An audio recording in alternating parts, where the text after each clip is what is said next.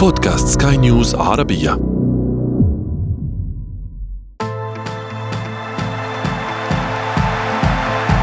أثير الكرة.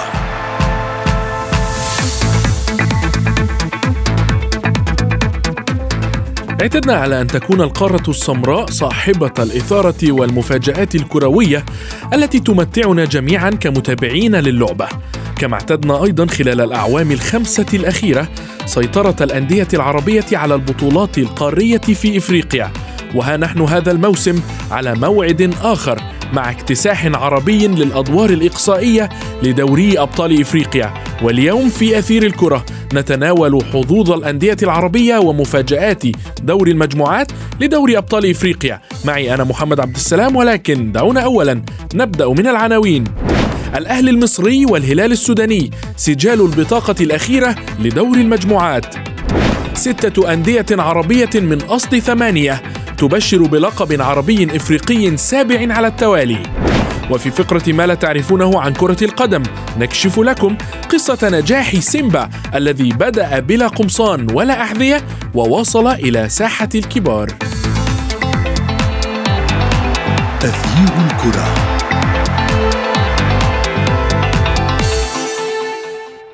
أهلا بكم في حلقة جديدة من أثير الكرة. الفترة الأخيرة شاهدنا سجالا وتوترا كبيرا بين ناديي الأهلي المصري والهلال السوداني وذلك قبل المواجهة المصيرية المرتقبة بينهما والتي ستحسم من منهما سيتأهل إلى دور الثمانية من البطولة الإفريقية الأكبر للأندية.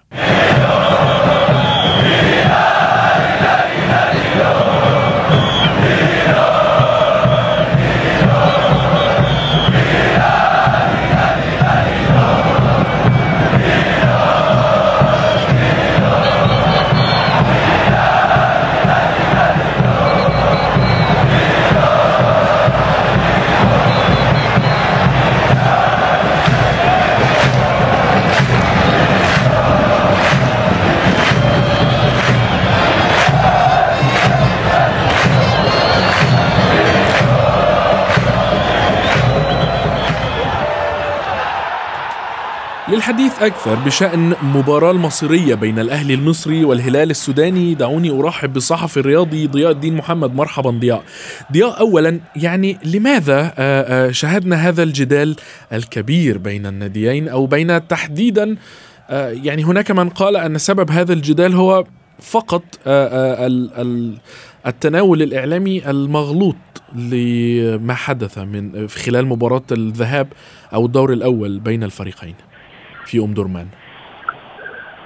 آه، جميل محمد خلينا نتفق طبعا الأول على إن السجاله التنافسية بين الفرق العربيه دايما بتكون مختلفة عن آه، عن التنافس ما بين أي آه، أي يعني أي فرق ثانية أو فريق عربي فريق أفريقي أو ما بين مثلا فريق عربي فريق آسيوي لأن يعني أنت عارف العرب مشهورين دايما بالحمية ومعروفين بالحماس الشديد وإن إحنا شعب يعني شعوب عربية عامة شعوب عاطفيه فيمكن لما حصل إن الأهلي والهلال آه وقعوا مع بعض في نفس المجموعة فكل ده طبعا ساهم في إن المواجهة تكون في الأساس ساخنة بين الفريقين خاصة إن الفريقين الاخريين يعني القطن الكاميروني وسان داونز جنوب أفريقي. فطبيعي طبعا يكون في سعي على التفوق وإثبات إن لا أنا والله أنا أنا الفريق العربي الأفضل لا أنا الأفضل منك. فالسجال ده كله طبيعي إن يخلي الأجواء آه تكون حماسية متوترة. مشتعلة شوية كده. آه، الحاجة الثانية يمكن كمان برضو إن الهلال أو يعني أول ماتش ليه في السودان كان مع الأهلي وبدأوا بان الكاف قال مفيش جمهور يحضر فيمكن ده تم تناوله بشكل يمكن مغلوط شوية في الصحافة السودانية فساهم بشكل أكبر في انه آه، زي ما بنقول كده إيه يسخن الجمهور أكتر يعني أو يصير حالة من الغضب بين الجمهور السوداني رغم إن إحنا شفنا شفنا آه، الهلال السوداني لعب قصاد كل فرق المجموعه تقريبا من غير جمهور. شفنا منتخب السودان نفسه لما لعب على ملعب الهلال لعب من غير جمهور. فاللي هو يا جماعة المشكلة مش في الأهلي أو إن الكاف بي يعني بيحارب الأهلي لا هي المشكلة في الملعب نفسه إنه مش مش يعني مش مش مكفي الاستراتات اللي الكاف بيطلبها عشان خاطر نعم. مش مستوفيها يعني علشان خاطر يستضيف يستضيف الماتشات. ولكن خلينا نقول إن آه، برضه كمان الموقف القريب جدا من الفرقتين يعني سان داونز خلاص ضامن التأهل وكان ضامن إن هو يكون متصدر كمان يمكن من الجولة الرابعة. فلما بيكون في تنافس بين فرقتين والتأهل على المحك والهلال لسه عنده فرصة يتأهل والأهلي عنده فرصة يتأهل فيمكن كل ده برضه مزود شوية حتة الحماس ومزود شوية حتة ال ال ال التناول اللي ممكن يعني يعني هي هي نوع من أنواع الحرب النفسية يا ضياء قبل قبل الم- بالظبط المواجهة. بالظبط بالظبط. فهي مع- هي هي أمر طبيعي يعني. بالظبط بالظبط. الأهلي الأهلي لو كان حاسم التأهل مثلا من الجولة الثالثه أو الرابعة ما كانش هيحصل اللي أنت شايفه ده كله. عشان تبقى برضه يعني إيه صورة واضحة قدام مستمعينا حتى كمان. يعني هو حتة إن لسه الفرص هنا قد هنا 50 50 ده طبعا مخلي كل فريق عاوز آه، يستغل كل الأسلحة المتاحة ليه وكل ال- وكل حاجة قدامه عشان يحقق التأهل طبعا. نعم. ضياء يعني تحدثت عن الجماهير. حضور خمسين ألف أكثر من خمسين ألف مشجع في مباراة الأهلي مباراة الحسم مباراة الأهلي والهلال على استاد القاهرة. أمر آه، لم تعتده الملاعب المصرية منذ العام 2012 فقط آه، شاهدناه في آه، كأس الأمم في 2019 آه، إذا ما استثنينا كأس الأمم الإفريقية سنلاحظ أن منذ العام 2012 لم نجد هذا الحضور لمباراة آه، من مباريات ال- الحاسمة أو مباراة للأندية المصرية هل تعتقد أن هذا الحضور الجماهيري سيشكل ضغطا على الهلال أم على النادي الأهلي؟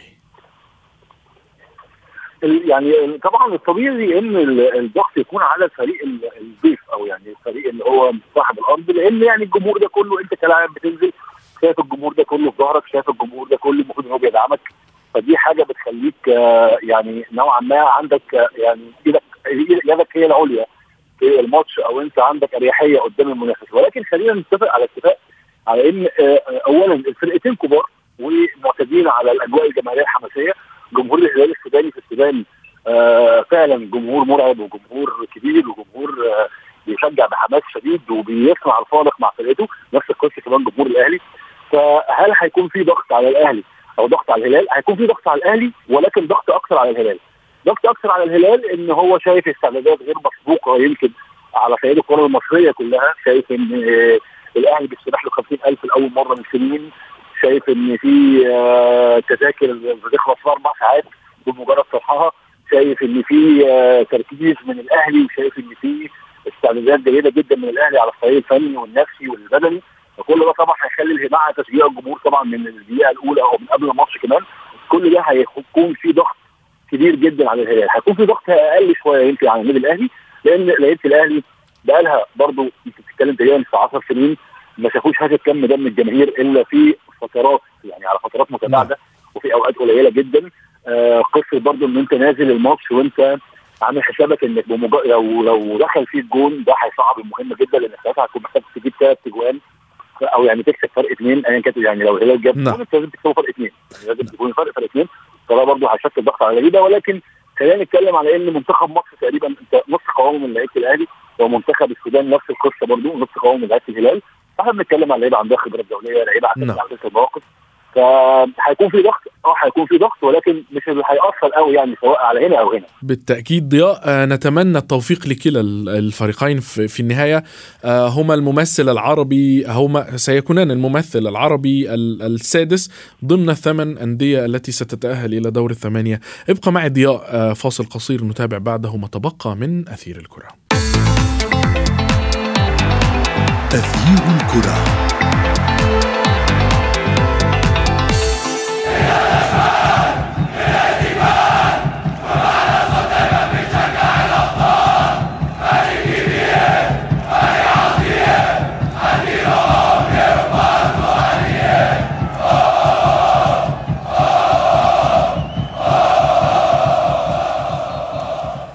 على الرغم من قوة هذه النسخة وكان هذا واضحا في عدم تحقيق أي فريق للعلامة الكاملة في دور المجموعات كما شاهدنا. ولكن الوداد والرجاء المغربيان شبيبة القبائل وش- وشباب بلوزداد الجزائريان الترجي التونسي الهلال السوداني أو الأهلي المصري ستة أندية عربية تصل إلى دور الثمانية من دوري من دوري أبطال إفريقيا. تأكيد على سيطرة شمال القارة خلال الأعوام العشرة الأخيرة. دعونا نتحدث ونستفيض في الحديث في بطولة دوري أبطال إفريقيا ودور الثمانية. آه، دعوني أرحب بالصحفي الرياضي ضياء الدين محمد كما أرحب بالصحفي الرياضي الذي ينضم إلينا الآن يوسف الشاطر. يوسف مرحبا بك. يوسف آه، يعني ماذا تعني هذه السيطرة للعام العاشر على التوالي للأندية العربية على Champions League إفريقيا؟ مرحبا محمد مرحبا بضيفك الكريم. طبعا آه، السيطرة مطلقة للأندية العربية على المستوى الإفريقي ربما آه، تعني أن الهوة بدأت تتسع منذ آه، سنوات بين أندية شمال وجنوب القارة. الأندية العربية الأكثر توازن على جميع الأصعدة سواء ماليا أو رياضيا أو استقرار على المستوى الإداري تحتفظ بمواهبها لمدة طويلة مقارنة مع الخروج المبكر للمواهب الإفريقية إلى الدوريات الصغيرة في أوروبا في بلجيكا أو هولندا أو حتى الدرجات الدنيا في الدوري الفرنسي. بالتالي الهوة صارت تتسع. الآن نحن على أعتاب تقريبا دوري أبطال العرب وليس آه، دوري أبطال إفريقيا حتى مازيمبي الكونغولي الذي كان ينافس بشدة في السنوات الأخيرة آه، الفريق ابتعد كثيرا وتراجع كثيرا في السنتين الأخيرتين بينما عادت الأندية الجزائرية إلى المشهد من جديد مع تحسن مستوى الدوري الجزائري خاصة عبر نادي آه، الشباب بالوزداد الذي يجد نفسه على أعتاب التأهل إلى الدور آه، ربع النهائي. إلى جانب الاستقرار بالنسبة للأندية المغربية والمصرية والترجي ربما النقطة السوداء الوحيدة هي تراجع النجم الساحلي التونسي الذي يبتعد منذ سنوات عن المنافسة والزمالك على الألقاب الإفريقية والزمالك بطبيعة الحال إذا عاد الزمالك محمد وإذا عاد أيضا النجم الساحلي سنكون أمام آه، بطولة عربية مصغرة وليست آه، بطولة إفريقية. وهنا تحديدا آه، يوسف دعني أسأل بعيدا عن دوري أبطال إفريقيا قليلا هل هذا سيشجع أكثر على التسريع في ال Super League الإفريقي؟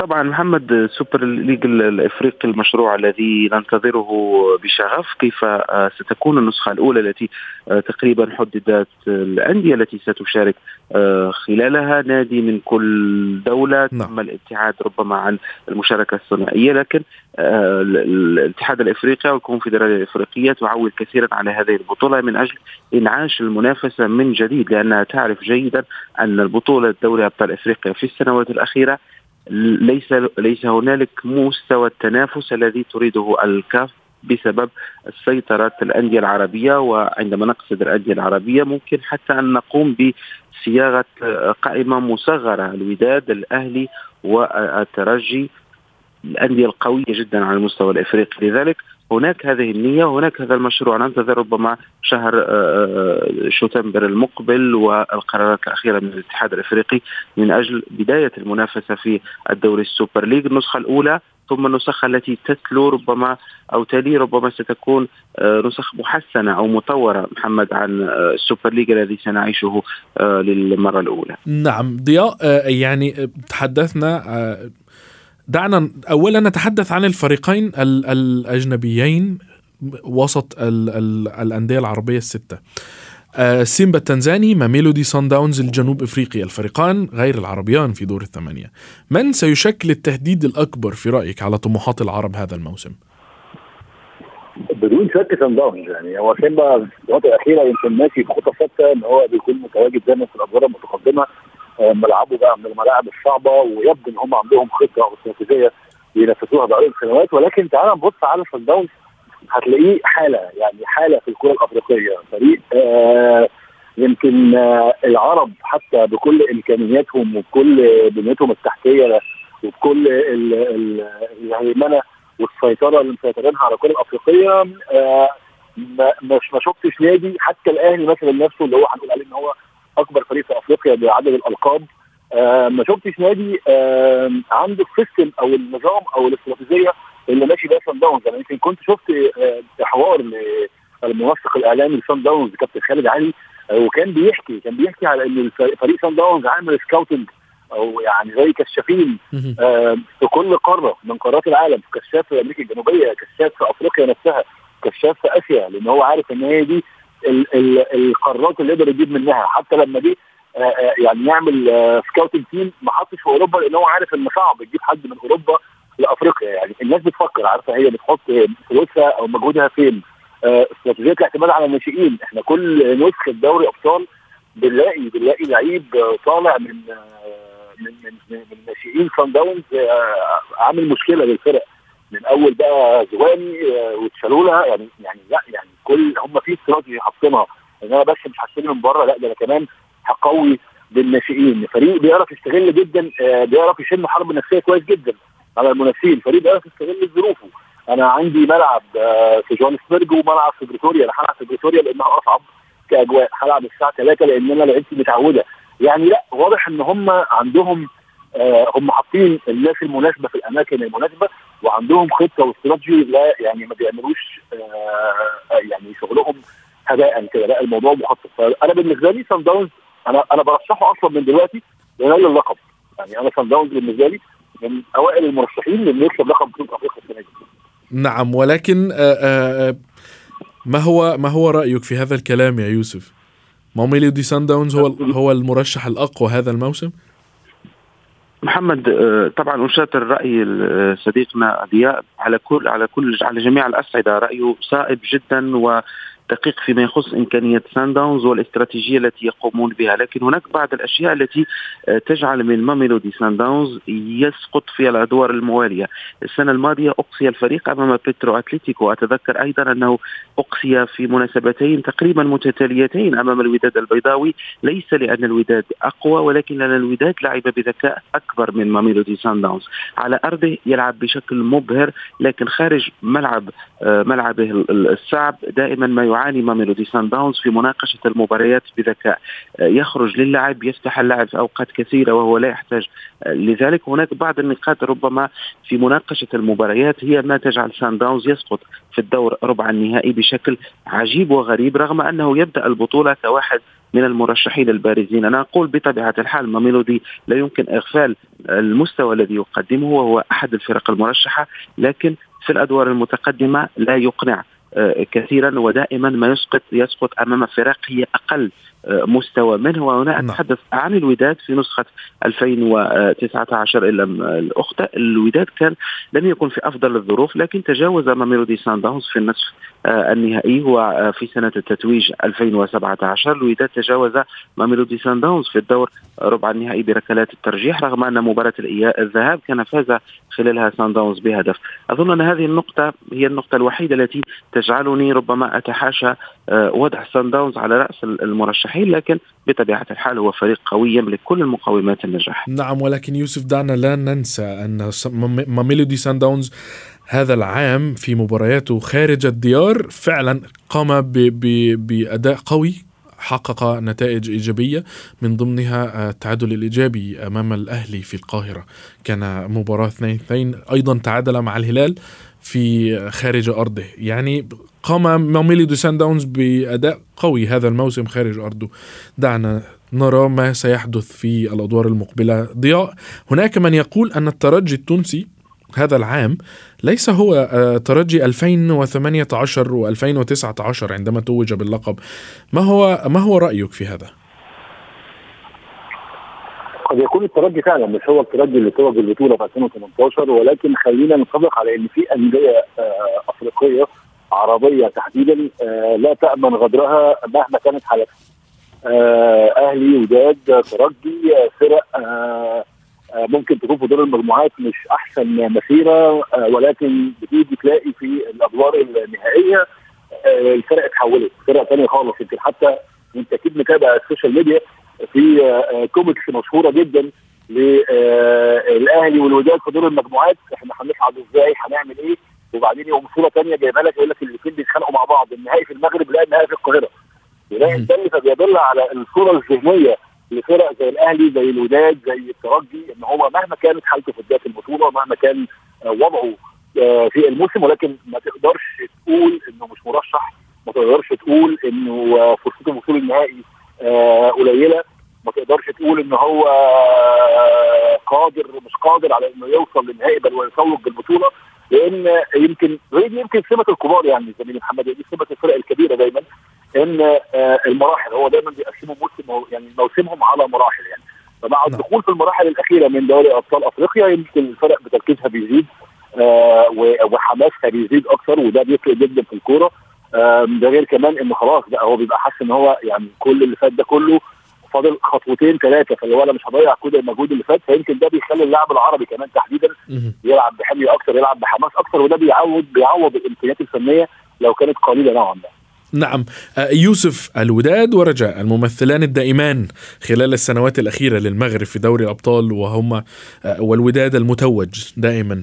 ما هو أو ما هي حظوظ آه، هذا العام بالنسبة للناديين؟ طبعا محمد الوداد ربما آه، أفضل على المستوى العام. بشكل عام هذا الموسم الوداد ينافس الجيش الملكي على لقب البطولة المغربية بينما الرجاء يبتعد تقريبا عشر نقاط عن المركز الأول. الوداد آه، استرجع العافية مع الإسباني خوان كارلوس غاريدو وأصبح آه، ينافس على صدارة المجموعة الأولى بعدما قام بسلسلة انتصارات متتالية بعد الخسارة الأولى أمام شبيبة القبائل. الفريق يلعب من أجل صدارة المجموعة أمام شبيبة القبائل بالدار البيضاء. بينما الرجاء الفريق الأكثر اقناعا في هذه النسخة. الفريق الوحيد آه، تقريبا الذي وصل إلى النقطة الثالث آه، إلى 13 نقطة خلال آه، خمس مباريات وبإمكانه رفع ذلك إلى 16 نقطة. يحتل المركز الأول تأهل مبكرا لكن هناك مشاكل داخل فريق الرجاء البيضاوي خاصة على المستوى المادي والمستوى الانضباطي. هناك عناصر خبرة أنس زميتي آه، وباقي اللاعبين أصحاب الخبرة يحاولون تهدئة الأوضاع وجعل الجميع يركز على أرضية الملعب. لكن هناك في الهامش آه، بعض المشاكل التي قد تؤثر مع توالي المباريات على النادي رغم العمل الكبير الذي قام به منذر الكبير المدرب التونسي الذي استطاع انتشال الفريق من وضعية صعبة في بداية الموسم إلى صدارة مجموعته في دوري الأبطال وإلى الوصول إلى ربع نهائي كأس المغرب. وإلى آه، المنافسة شيئا ما ولو بنسب آه، ضئيلة الآن على بطولة الدوري. هل ترشح أحد منهما للوصول إلى نهائي هذه البطولة؟ الوداد تحديدا. أظن أظن محمد أن الوداد بالخبرة التي صار يمتلكها على المستوى الإفريقي إذا واصل هذا التحسن مع خوان كارلوس غاريدو أرى الوداد على الأقل آه، في الدور نصف النهائي. نعم. آه شكرا جزيلا لكما كنتما معي. الصحفيين الرياضيين يوسف الشاطر وضياء الدين محمد ونتمنى كل التوفيق إلى كافة الأندية العربية الستة التي تأهلت إلى دور الثمانية من دوري أبطال إفريقيا.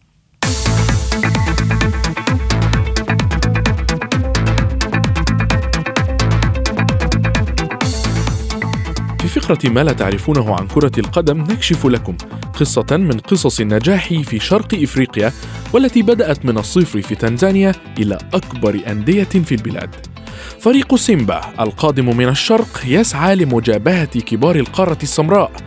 نجح في الوصول إلى ربع نهائي دوري أبطال إفريقيا عام 2019 في إنجاز فريد نسبة إلى الأندية التنزانية.